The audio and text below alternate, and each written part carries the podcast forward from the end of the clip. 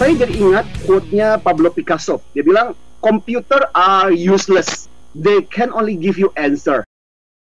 Tapi memang orang tua banyak yang mengeluh, banyak yang berkeluh kesah kondisi sekarang ini school from home, sampai dikatakan begini, anakku mengeluh pak, betapa membosankan harus terus menerus melihat ke screen tanpa melakukan aktivitas yang lain.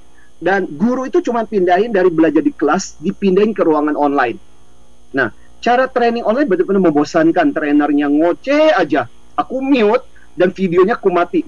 Terus ku tinggallah melakukan kerjaan yang lain. Kita akan menggunakan inspirasi dari bukunya Ian Gilbert dia membangun mm -hmm. sebuah komunitas untuk mendidik para guru untuk keluar dari cara berpikir dan cara mereka mengajar. Dan saya pikir Ian Gilbert ini betul-betul menantang buat kita para pendidik, para guru, para trainers. Yang pertama kalau kita lihat tantangannya adalah soal atensi dan fokus. Saya sendiri merasakan pada waktu ketika kita mengajar di ruangan kelas dengan mengajar di ruangan online itu beda banget. Kalau di ruangan kelas itu kan paling enggak kita masih tiga dimensi, pada saat bosan kita masih bisa melihat ke tempat lain. Tapi kalau kita online itu kan terus-menerus kita cuma melihat ke kamera. Dan tiga jam aja, saya bisa merasakan bagaimana peserta agak sedikit jenuh. Kita udah benar-benar udah sampai mati gaya. Segala aktivitas, kreativitas udah dikeluarkan. Mau jurus-jurusnya udah dikeluarkan gitu. Tiga jam tetap aja memang butuh break. Yang kedua, keletihan untuk fokus terus-menerus. Hmm. Makanya sekarang ini ada yang namanya Zoom fatigue, keletihan hmm. Zoom karena harus terus-menerus berkonsentrasi, terus-menerus fokus. Problem ketiga adalah karena kurang fun, nggak menarik. Apalagi kalau guru-guru yang tradisional cuma memindahkan program pembelajaran di kelas itu dipindahkan ke dalam ruangan pembelajaran secara online. Meskipun kelihatannya tiga dimensi, tapi kan tetap aja dua dimensi. Tetap aja cuma melihat di layar. Tantangan kita keempat adalah masalah teknologi. Belum lagi hmm. kadang jaringannya, kadang ya, on ya, sama off. Kadang-kadang saya punya beberapa teman yang lagi online nih siaran tiba-tiba berhenti listriknya mati sampai kemudian dengan susah payah dia harus lari ke kafe yang terdekat kemudian siaran di sana belum lagi misalnya guru yang kerjanya memang berusaha untuk dumping informasi Makanya saya bilang kalau seandainya fungsi kita sebagai seorang guru itu terus-menerus cuman menjejeli dengan informasi apa kelebihannya kita dibandingkan Google. Google juga bisa menyediakan begitu banyak informasi. Tantangan yang keenam adalah guru-guru yang tidak menarik, guru-guru yang tidak fun, guru-guru yang tidak interaktif di dalam mengajar. Dan itu membuat pembelajaran online itu menjadi pembelajaran yang sangat-sangat membosankan. Jadi gini, Ian Gilbert ini sebenarnya adalah seorang pemerhati pendidikan, tapi sekaligus juga akhirnya dia membangun sebuah komunitas namanya Independent Thinker. Itu dimulai diawali dengan anaknya suatu hari itu komplain habis-habisan kepada bapaknya karena pindah dari India pindah ke Chili sama aja gaya pendidikannya. You know that? What I'm doing every day? Copy copy copy copy write memorize memorize memorize copy copy copy write memorize memorize exam udah cuman itu aja gitu. Ini catat catat catat ingat ingat ingat ingat ujian. Dia bilang so boring. Dan anaknya itu mengalami disleksia. Beberapa kali gurunya itu sampai ngamuk marah ketika anaknya agak terlambat dan minta diulang gurunya itu nggak bersedia. Jadi nggak sabaran. Sampai akhirnya keputusan terakhir dari si Ian Gilbert ini kemudian dua anaknya itu dibawa pulang ke rumah dan tidak disekolahkan sekolah publik. Akhirnya kemudian homeschooling begitu. Tapi kemudian dia mengatakan kalau gurunya masih mengajar dengan gaya-gaya lama seperti itu apa keuntungannya apa manfaatnya kenapa harus hadir seorang guru di depan kelas? Ya sudah di rumah kita cuma buka search engine cari di Google dapat deh informasi. Malah Google nggak marah lagi. Mau okay. kapan aja diminta ulang ulang ulang sampai berapa ratus kali masih boleh. Kalau kita bicara tentang pendidikan salah satu bagian itu kan memberikan informasi ini menjadi menarik. Kalau kita melihat gambarannya ini di era sekarang kalau isinya itu cuma memang mau menyampaikan informasi malah jauh lebih akurat di Google daripada guru-guru kadang-kadang masih bisa lupa hmm, tahun kapan ya? Hmm, informasinya apa? Google kan nggak mungkin lupa. Sementara guru itu kan betul-betul kejar kurikulum dan kadang-kadang siswa-siswa yang agak terlambat untuk bisa mengikuti akhirnya kemudian diabaikan. Nah Google kan mau kapan aja masih tetap tersedia informasi itu sebenarnya kita menggugat bahwa harus ada sesuatu yang lain dan itu persis yang dikatakan di dalam buku ini bahwa fungsi guru itu kalau dia tidak punya kelebihan dibandingkan cuman sekedar menyampaikan informasi maka ya udah guru itu ke laut aja paling nggak ada tiga hal sih yang menyebabkan kenapa guru ngajarnya cuma itu itu Satu karena sudah terpola. Hmm. Nyamannya gue adalah dengan cara seperti ini, polanya gue adalah seperti ini. Di otak itu ada satu bagian namanya basal ganglion. Itu adalah bagian dari fungsi otak yang menciptakan sesuatu yang rutin. Makanya sebenarnya banyak guru juga yang berteriak ketika yang tadinya nyaman berdiri di depan kelas memonitor kasih tugas kemudian dia bisa jalan-jalan memperhatikan siswa tiba-tiba sekarang monitoringnya hanya bisa melalui kamera. Dua karena memodel. Mencontoh dari guru sebelumnya guru sebelumnya mengajar seperti apa nah itu terus-menerus dicontoh alasan ketiga adalah ekspektasi dari sekolah kurang lebih juga seperti itu kasian banget sebenarnya ini guru muda namanya guru muda dong penuh semangat, penuh kreativitas, dan dia mencoba untuk mengubah cara bagaimana dia mengajar sejarah. Tahu apa yang terjadi? Tiba-tiba dong dipanggil ke kepala sekolah karena ada komplain yang luar biasa dari orang tua yang kemudian mengatakan bahwa udah cara ngajarnya nggak usah aneh-aneh deh. Ditambah lagi yayasan juga hmm. mengatakan hal seperti itu. Nah akhirnya kemudian sistem juga memaksa. Kasian banget kan guru-guru yang mau kreatif, mau mencoba menciptakan sesuatu yang luar biasa, akhirnya kemudian balik lagi ke kebiasaan lama ada empat hal yang bisa membuat seorang guru lebih dari Google. Pertama-tama, dia interaktif. Dan itu yang tidak bisa dilakukan Google.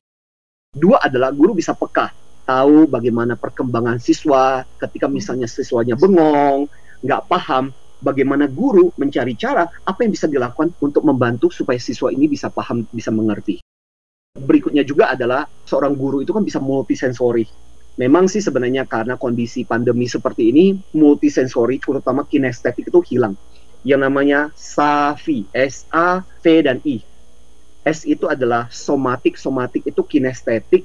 Kalau di kelas itu kadang guru bisa menyentuh bisa menepuk-nepuk bisa memberikan penguatan kemudian A itu auditori kemudian V itu adalah visual I itu intelektual Nah, itu komponen-komponen yang dengan luar biasa bisa dilakukan guru dibandingkan sebuah mesin pencari. Yang paling penting adalah koneksi emosi. Bonding dengan muridnya, sehingga beberapa siswa merasa bahwa, gila ya, kalau gue nggak datang ke sekolah, aduh rugi banget. Karena bertemu sama guru yang menyenangkan. Teman-teman kalau cari di Google, ada satu kisah yang keren banget tentang seorang guru namanya Miss Thompson guru kelas 5 yang dapat satu siswa namanya Teddy tapi Teddy ini susah banget diajar bermasalah sampai dia kesel. Jadi waktu semester pertama selesai, dia udah sebel banget. Jadi waktu dia buka rapotnya, kan mesti ngisi rapot semester pertama berarti kan di bulan Desember gitu. Waktu dia lihat kelas 1, eh kenapa komentar tentang dia bagus? Teddy ini keren, pinter. Kelas 2 bagus.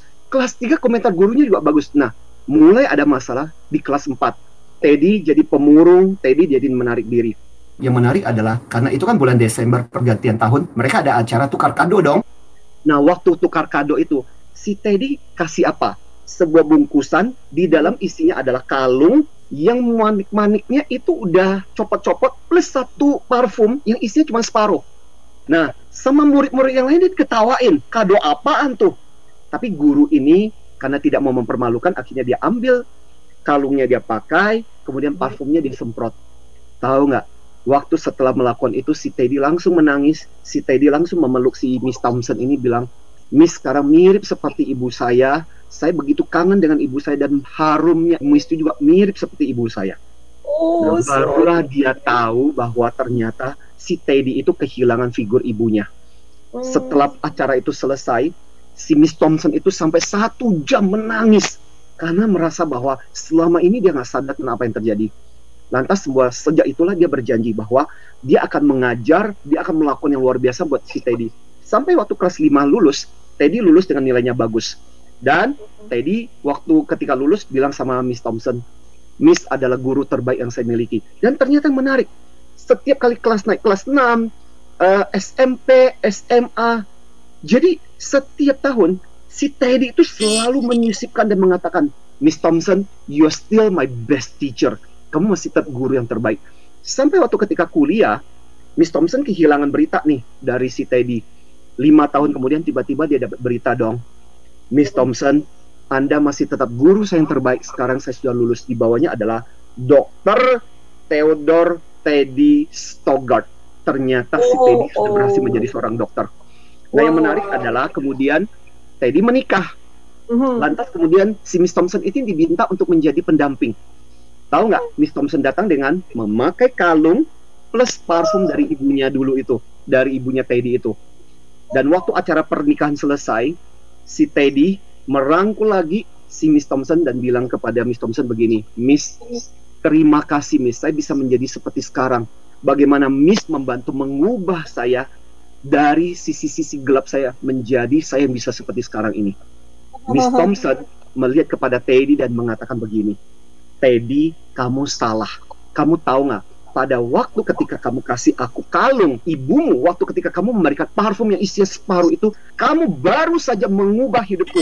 Guru yang cuma sekedar memberikan informasi menjadi guru yang sesungguh-sungguhnya. Bukan aku yang mengubah kamu tadi, tapi kamu yang mengubah saya sebagai seorang guru.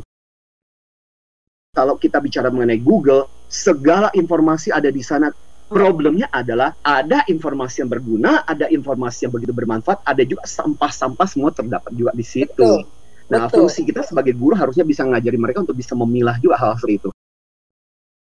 Bukan kita mau mempertandingkan antara Google sama guru sebenarnya, tapi kita ingin mengatakan langkah bagusnya. Kalau guru itu bisa menutupi sisi-sisi yang tidak ada dimiliki Google itu, itu yang paling penting sebenarnya.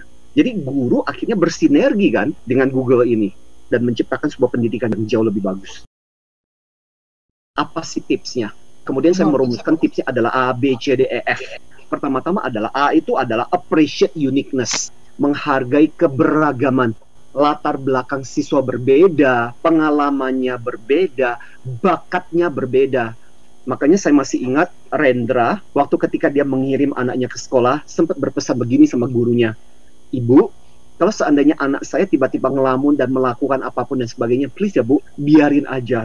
Jadi appreciate uniqueness. Yang kedua adalah B, be patient with the learning pace. Jadi harus betul-betul sabar dengan kecepatan pembelajaran yang berbeda-beda. Ada anak karena dia sangat pinter, cepat banget. Tapi ada anak yang lambat. Dan saya merasa fungsi guru itu ya sebagai dokter, dokter itu menolong yang sakit Nah, salah satunya adalah bagaimana dia peka dengan anak-anak yang lamban belajarnya untuk membantu proses pembelajaran mereka. Yang ketiga adalah C itu apa? Connect. Not only doing the teaching duty. Jadi berusaha untuk connect bukan cuma sekedar ngajar online, ya sudah, waktunya udah selesai, bye. Kemudian D, deliver with surprise and creatively. Uh. Kalau kita bisa memberikan sesuatu yang kejutan, sesuatu yang nggak dipikirkan, nggak diantisipasi. Buat saya itu sesuatu yang akan luar biasa gitu. Nah, try to do that. Yang kemudian E, E itu adalah engage, educate, entertain. Pertama-tama adalah engage dulu, bangun trustnya dari siswa, merasa nyaman, ngajar, tapi sekaligus juga bisa menghibur. Makanya tiga E itu penting. Yang terakhir F itu adalah find the fun kita sebagai guru bisa menemukan sisi-sisi yang menarik dari materi kita dan kita sampaikanlah. Ngajar itu apa sih? Ngajar itu kan transfer of emotion. Kalau kita sebagai guru passion, kita bersemangat dengan materi yang kita bawakan, itu pasti di ujung sana itu akan bisa merasakan api bara antusiasme kita. Tapi kalau kita sendiri aja udah malas dengan apa yang kita mau sampaikan, gimana caranya kita bisa menginspirasi murid-murid kita supaya tertarik dengan apa yang kita sampaikan? Bahkan yang matematika yang membosankan pun sebenarnya pasti ada sisi-sisi funnya itu. So kesimpulan saya adalah kalau Google itu memberikan ribuan informasi, guru memberikan ribuan sensasi. Yeay. Kalau Google sumber data dan informasi, guru memberi kesempatan berkreasi. Kalau Yeay. Google diam dan mematung, guru aktif dan membuat siswa merasa beruntung. Dan terakhir, Google takkan beritahu baik dan buruk sampahnya informasi, tapi guru membuat siswa mengerti dan punya moral yang tinggi.